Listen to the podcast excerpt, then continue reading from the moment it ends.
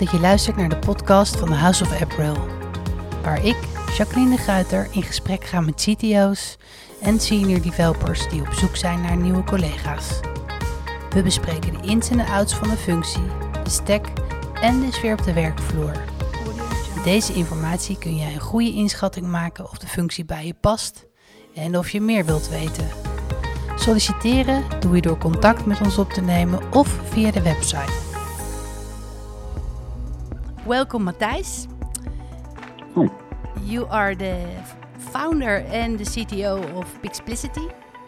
Yeah. Do I pronounce it well? Yes, you do. Yes. good, good.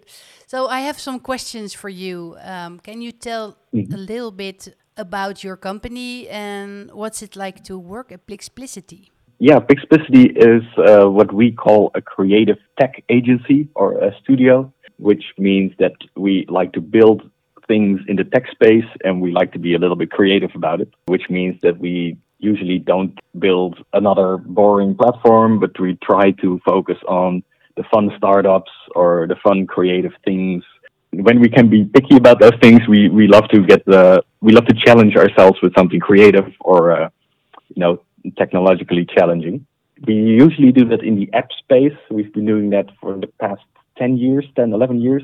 But we also do things like voice assistants, uh, hardware, even for those things.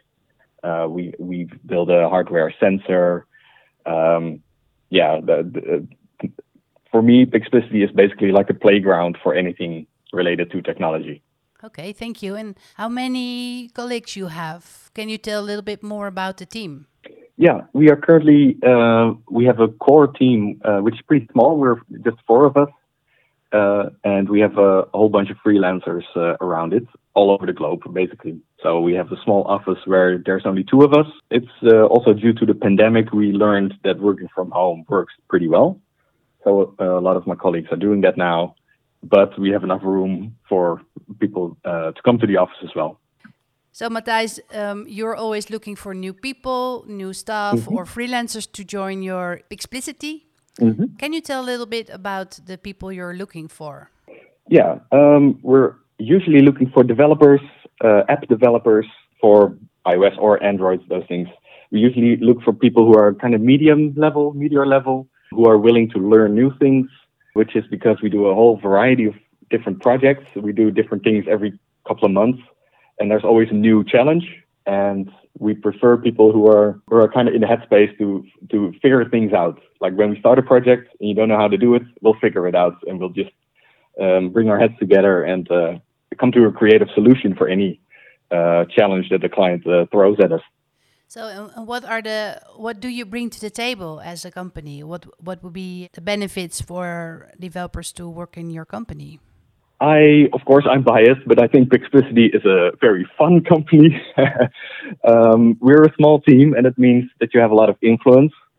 Uh, we don't have a strict hierarchy of a, a, a boss telling you what to do.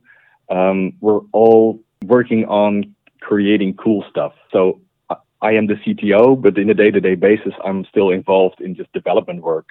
But I also help thinking about UX or the architecture or other things. And that's also something that developers at Pixplicity will do. It's working together with designers, with UX people, with backend people, um, with the aim to create something cool and not necessarily to just code whatever the boss says you have to build.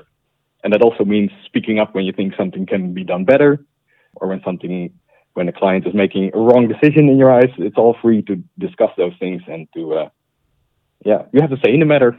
Let's put it that way. That sounds uh, exciting. Um, and, and, can you tell a little bit about the salaries or the extras or holidays or anything you would like to address if you talk to a developer who's thinking of maybe applying to you mm-hmm. uh, as a developer? Let's see. The salaries are very dependent on the type of project, the type of level, or even what the what the client offers. But regarding to perks, we don't really count holiday holiday uh, free days. We just uh, assume everyone is being fair and you're not taking up too much. And if you do, who cares? We'll figure it out. We we uh, yeah we kind of made a policy out of that to not count all the the free days. And other than that, yeah, working from home is fine. we've learned that that's perfectly possible. But we also have a very fun office with nice people. We share a floor with other companies. We have lunch together. We play football, or ping pong. We uh, throw a barbecue if the weather is nice. So again, I'm biased, but working here is really fun. Hmm. So, is there something you would like to share to the people who are listening? What should they remember, or is there something you would like to address about working um, at I think Pixplicity?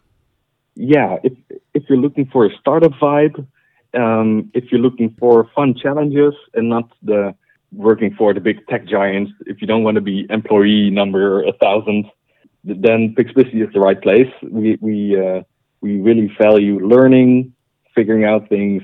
So yeah, it there are no like big growth possibilities in terms of becoming management because because we're such a small team. But we do have growth possibilities in terms of learning new technologies, visiting conferences, or giving talks. Even we really value that. So.